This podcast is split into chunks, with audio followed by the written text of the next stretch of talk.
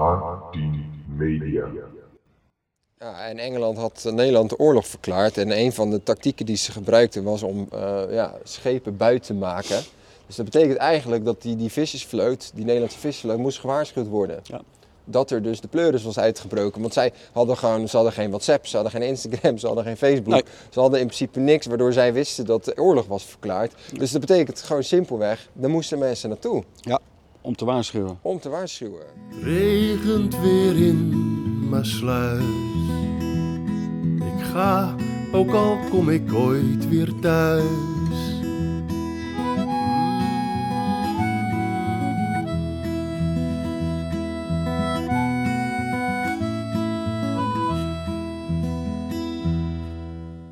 Hallo allemaal en welkom bij een nieuwe aflevering van de Masluizen podcast. De podcast waarin al het bijzonders in en uit Masluis besproken wordt. Op deze eerste kerstdag van 2021 hebben wij een bijzonder kerstverhaal uit het jaar 1780. Dit verhaal komt uit de historische schetsjes van de historische vereniging Masluis en heeft als titel Een roerige kerst. Laten we eens naar dit bijzondere verhaal luisteren. Oké, hey, laat ik maar dan eens gewoon een keer niet met vragen waar we zitten, maar ik ga gewoon vertellen waar we zitten. Of in ieder geval, Ja. jij zit, ik staat. Ehm, ja, we staan nu eigenlijk eh, aan de rand van het scheur. De Nieuwe Waterweg, de scheur in ieder geval. Bij de verbinding tussen eh, de Bonenvliet en eh, de Nieuwe Waterweg.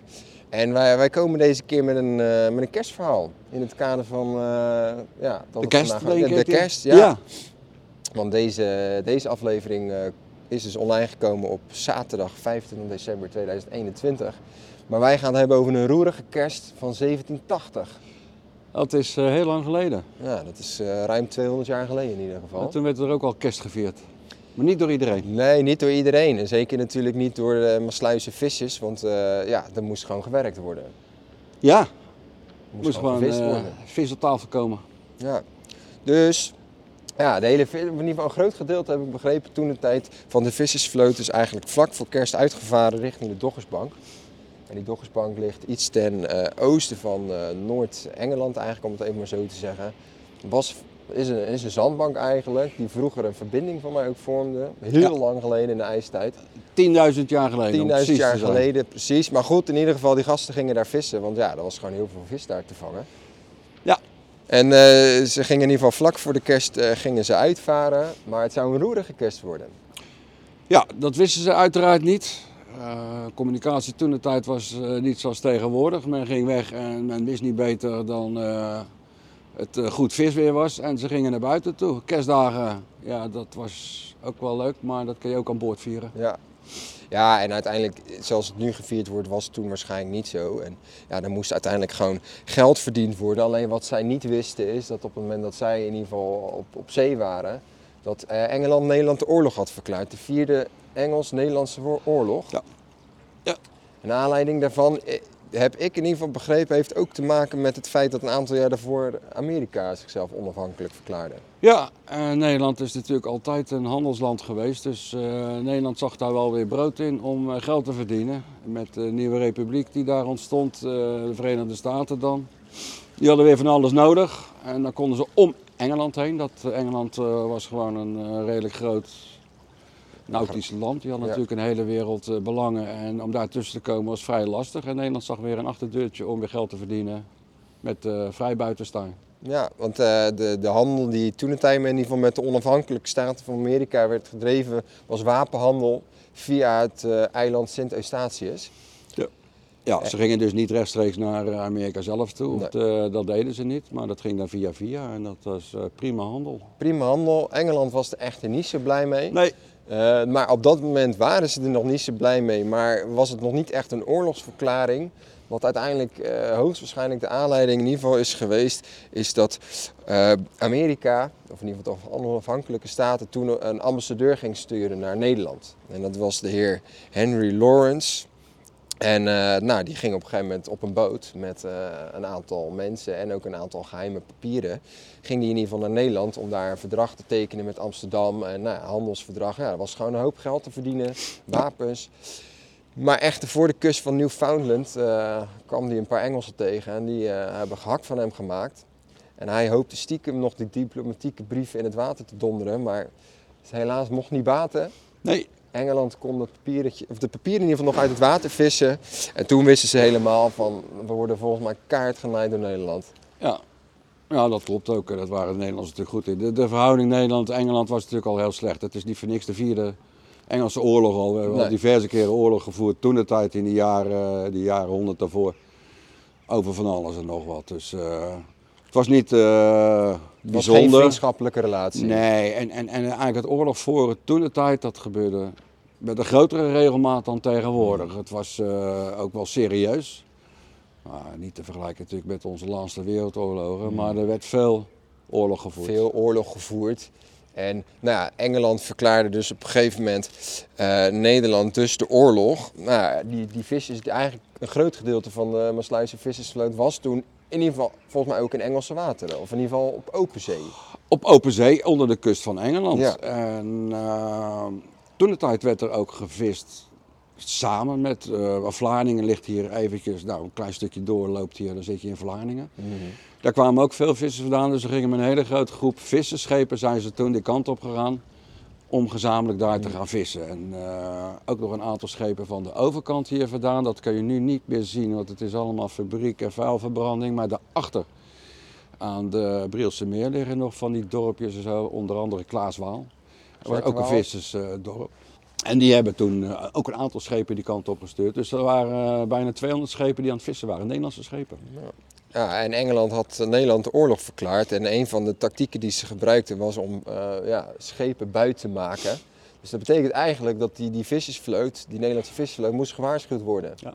Dat er dus de pleuris was uitgebroken. Want zij hadden gewoon, ze hadden geen WhatsApp, ze hadden geen Instagram, ze hadden geen Facebook. Nee. Ze hadden in principe niks waardoor zij wisten dat de oorlog was verklaard. Dus dat betekent gewoon simpelweg, daar moesten mensen naartoe. Ja, om te waarschuwen. Om te waarschuwen. En hoe doe je dat?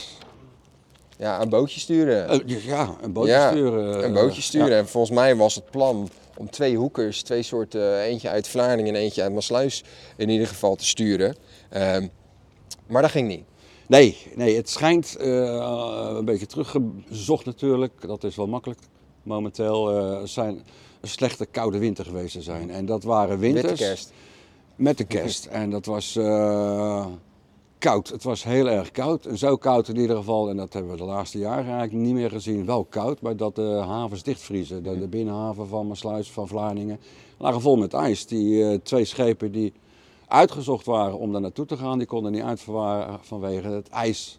En Wat ook er in de, haven lag. En op de rivier lag er ook, ja. ijs. Ja.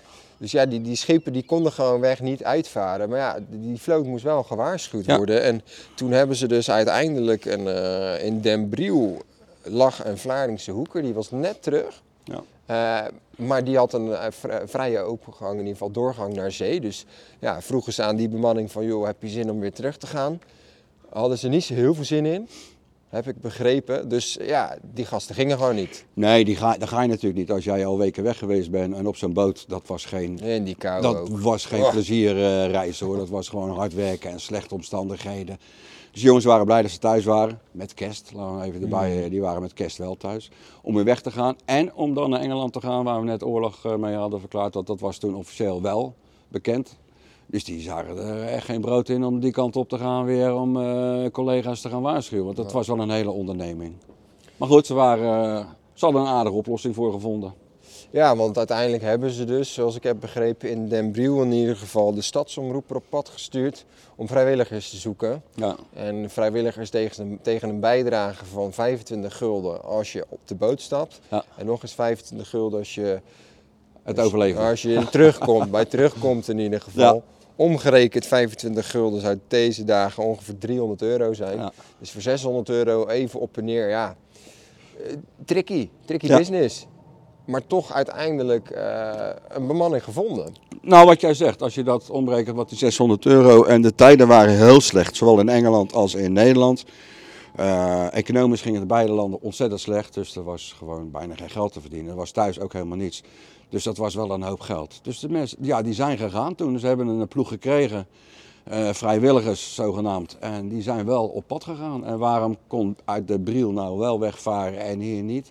Ja, Briel ligt toch wel een hier vandaan. En de Maas, zoals we hier nu zitten, Ja, dat ging niet via Hoek van Holland, maar dat ging onder de kust van eh Abbebroek en Heenvliet en de Bril. En de Stenenbaak was dan de laatste eh, plek, maar die lag gewoon aan de andere kant. En als de wind goed stond, uit, lag daar geen ijs. Oké. En aan deze kant wel. Dus die was open en daar zit je al dicht bij zee in de Bril vergeleken met Besluis. Dus dat zal waarschijnlijk de reden geweest zijn dat ze daar al weg konden. daar en die weg zijn daar eh, weggegaan onder het eh, bevel van, eh, hoe heet die meneer van de Wind? Jacob, Jacob van der Wind. Jacob van de Wind. 29 december uitgevaren met de boot De Rode Roos. Ja. En dus een, een hele groep bemanning van vrijwilligers. Eh, 29 december uitgevaren. Uiteindelijk 31 december hebben zij het eerste contact kunnen leggen met eh, de Ja. eerste boot in ieder geval van de vloot. Om als de wielen weer gaan met hun kontjes weer terug naar huis te komen. Ja, en ik heb er ook nog wel een stukje van gelezen, want het is natuurlijk een vrij grote bank is dat daar. Dus die schepen lagen redelijk verspreid om al die schepen af te varen. Er zal wel een hoop tijd in gezeten hebben, maar ze gebruikten zelf ook middelen aan boord om aandacht van andere schepen te trekken.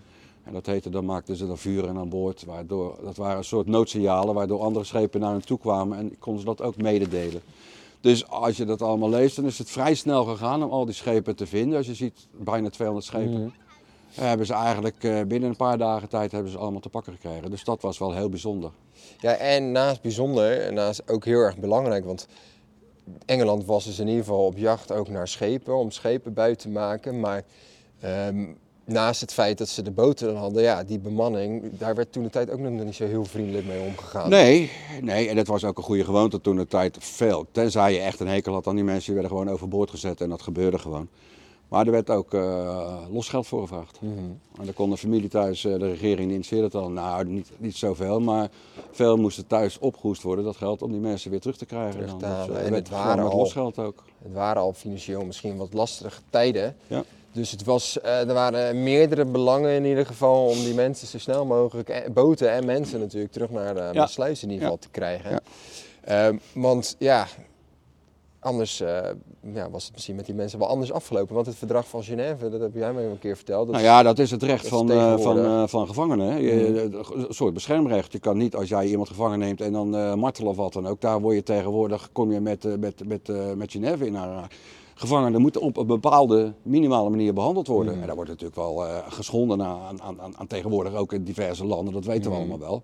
Maar toen de tijd bestond er helemaal geen beschermingsrecht Nee. voor gevangenen. Dat was gewoon, ja, ja, dikke pech. Klaar. ja. Ja, en eh, verder eh, is het jammer. ja, dus Het is eigenlijk gekomen, volgens mij, dat hele recht naar, naar, naar die Eerste Wereldoorlog en zo. Van, er waren zoveel dingen, gebeurd van gewoon, je kon met gevangenen. Kijk, als jij je handen in de lucht steekt, ben je klaar. Maar als ze dan nog neerschieten, Mhm. kijk, dat zijn bepaalde, Dingen die niet meer, die in ieder geval deze gewoon, dagen... die zijn gewoon strafbaar. Ja, Ja. gewoon strafbaar. Dus nou ja, in ieder geval een heldhaftige bemanning die voor eh, ongeveer 600 gulden die Ja, kant eh, zijn, op zijn gevaren. Ja. En goed dat ze in ieder geval die mensen op een gegeven moment weer allemaal eh, na de jaarwisseling weer terug hier hebben gekregen. Want ik heb begrepen dat ze ongeveer nou ja, 2, 3, 4, 5 januari allemaal wel terug waren. Nou, daar zit nog een staartje aan natuurlijk. Het is eh, in de eerste beschrijving die we gelezen hebben, Dirk, eh, ja, dat sluit dan af van ze keerden allemaal veilig terug. Maar er zit wel een heel stuk tussen schepen. Er waren schepen bij een grote groep schepen die pas na weken terugkwam. En dat had allemaal te maken met het slechte, roerige, koude weer. Ja. Het was gewoon beestenweer. En het waren zeilboten. Het waren natuurlijk geen eh, machineboten. Die, ze waren afhankelijk van de wind. En als de wind verkeerd stond, en dat stond het in dit geval ook, die was uit het zuiden komen. Dus ja, ze moesten naar het zuiden toe. Dat ging dus niet. Dus ze moesten, veel van die schepen gingen naar het noorden toe. En die kwamen bij de Waddeneilanden terecht. En toen waren ze nog niet veilig. En dan moesten ze tussen die Waddeneilanden door. Tegenwoordig is dat een piece of cake, zullen we maar zeggen. Ja, toen de tijd met slecht weer en eh, verder helemaal niets. Geen, geen bebakening of zo. Dan moesten ze, zijn er aardig tussendoor gekomen met, eh, met de ijsgang ook nog en zo. En toen wilden ze naar Amsterdam toe. Ja, dat ging ook niet naar het IJsselmeer. Zuiderzee heette dat toen nog. Lag vol met ijs en de zuidwestenwind. Dus het ijs kruide allemaal naar het noorden toe. Dus daar konden ze ook, zijn ze naar Enkhuizen toe gegaan. En lag zoveel ijs, en daar liepen ze ook allemaal vast. Ja. En dan moet je eigenlijk bedenken dat je daar gewoon weken vast zit in het ijs zonder iets en zonder en wat dan ook. En Barre, Dat zijn- barre omstandigheden. barre omstandigheden. Maar ze hebben het eigenlijk op zeven stuks Zeven na- boten hebben het, eh, zijn allemaal gered. door de Engelsen gepakt. Ja. En dat laatste stuk van hoe die schepen allemaal zo lang erover gedaan hebben, waar ze gekomen zijn, dat heeft een eh, dominee die toen de tijd in de grote kerk predikant was, heeft er toen een bepaalde reden aan besteed. En dat schijnt een hele bekende reden geweest te zijn, die ook gepubliceerd is. Men vond dat zo'n mooie reden, urenlange reden, maar er staat eigenlijk haarfijn in beschreven wat bijna elke boot meegemaakt heeft op de terugreis. En dat is ook wel een interessant stukje verhaal. En dan krijg je een aardig idee hoe slecht de omstandigheden toe waren eigenlijk aan boord. En hoeveel onzekerheden. En ja, Ja, en als de wielen weer gaan, moesten ze terug, maar waarschijnlijk ook niet zo heel veel gevangen. Dus eh, kijk, natuurlijk heb je liever eh, geen vis en ben je veilig thuis. Ja. Maar ja, het was natuurlijk ook wel zo, ja, je moet maar weg. En Ja. ze hadden waarschijnlijk ook niet heel veel om te verhandelen. Kan ik denk het niet. Ik denk het niet. Het waren natuurlijk blij dat ze al levend eh, thuis kwamen. Het is eh, ik heb no- ook nog wel eens een beetje gegoogeld natuurlijk op een bevolkingsgroep van nou, nog geen 2000 mensen geloof ik die in mijn sluis wonen. Ik denk dat dat dat 50, 60 procent afhankelijk was Van de vis. van de visvaart en visvangst. Dus dat waren gewoon hele ellendige tijden. Maar ik denk dat iedereen die had wel een vader, een zoon, een broer, een oom of wat dan ook aan boord zitten. Het was één grote familie. Dus we waren al ontzettend blij dat iedereen gewoon thuis was. En daarna zien we het wel weer. Ja, er zijn zeven schepen die niet gehaald hebben. Vier uit eh Vlaardingen. Vlaardingen en drie uit Mersluis. Die zijn eh, gekaapt. En hoe het daarmee afgelopen is, dat Nee. weten wij niet. Ja, dus een roerige kerst in eh, 1780, naar aanleiding van een eh, oorlogsverklaring. Ja. Gelukkig hebben de meeste Maasluizers, sluizers, in ieder geval het weer naar huis gered. Jawel, en dan eh, tegenwoordig met onze corona-kerst die nu aan zit te komen, wat ook geen Ja, pretje is. brede kerstfeestviering wordt. Maar als je dat vergelijkt met toen de tijd, was vier, dat, vijf eh, weken ergens op een boot in de ijskou. dan valt Nee, dat, eh valt hoeven wij nog niet zoveel te klagen. Dat is zeker. En daarmee eindigen we deze speciale kerstaflevering over een roerige kerst ruim 200 jaar geleden in het jaar 1780. Hopelijk vond je het interessant en voor meer informatie kun je ons ook volgen op Facebook of Instagram. Voor nu bedankt voor het luisteren en tot de volgende keer. regent weer in Maasluis. Ik ga, ook al kom ik ooit weer thuis.